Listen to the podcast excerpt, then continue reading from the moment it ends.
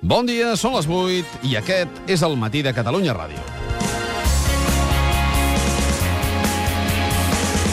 L'exèrcit egipci ha fet costat al clam del carrer i ha imposat les seves normes, però el clam del carrer no era unànime i part de la societat recolzava un president elegit democràticament, agradi o no agradi.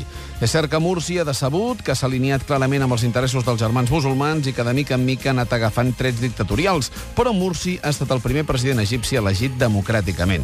El cop d'estat de l'exèrcit forma part d'una revolució egípcia que encara no s'ha acabat, d'una primavera àrab que encara segueix, després de dos anys de transició d'un model que busca sortides perquè el poble encara no està conforme amb el sistema. I part del sistema és el poderós exèrcit d'Egipte, un exèrcit amb forts vincles amb el Pentàgon i que té també un enorme poder econòmic amb empreses que no només es limiten a l'àmbit militar. Un exèrcit acostumat a manar i que, excepte Mursi, ha tingut quatre presidents que han tolerat el seu estatus. Quatre presidents, Naguib, Nasser, Sadat i Mubarak, que els han afavorit. No és que Mursi s'hi oposés frontalment, però Mursi servia als germans musulmans, l'altre gran poder egipci Egipte, i això els militars no ho han tolerat. No han tolerat que canviés part de la seva cúpula, però sobretot que no defensés el model laic de país que l'exèrcit sempre ha avalat. I pel bé del poble, els helicòpters van sobrevolar la plaça Tahrir.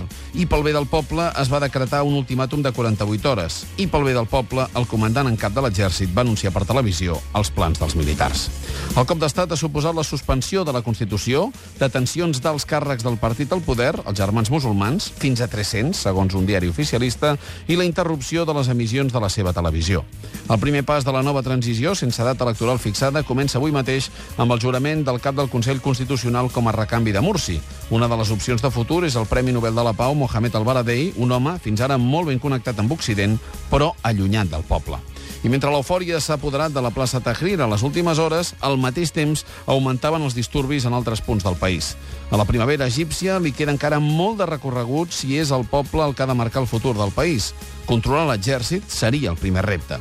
Després de la fascinació d'Occident per la plaça Tahrir, avui hem d'analitzar bé el que està passant a Egipte. Aquest eh, serà un tema central avui a Serra. I avui també han sortit les xifres de l'EGM amb una dada per l'esperança, Ara que Catalunya Ràdio viu moments d'incertesa. Augmentem l'audiència respecte a la temporada anterior, com a ràdio, o sigui que ànims, i felicitats, companys. Com també felicitem els amics de rac i a Jordi Basté i el seu equip pel seu lideratge. Som-hi, benvinguts a casa vostra.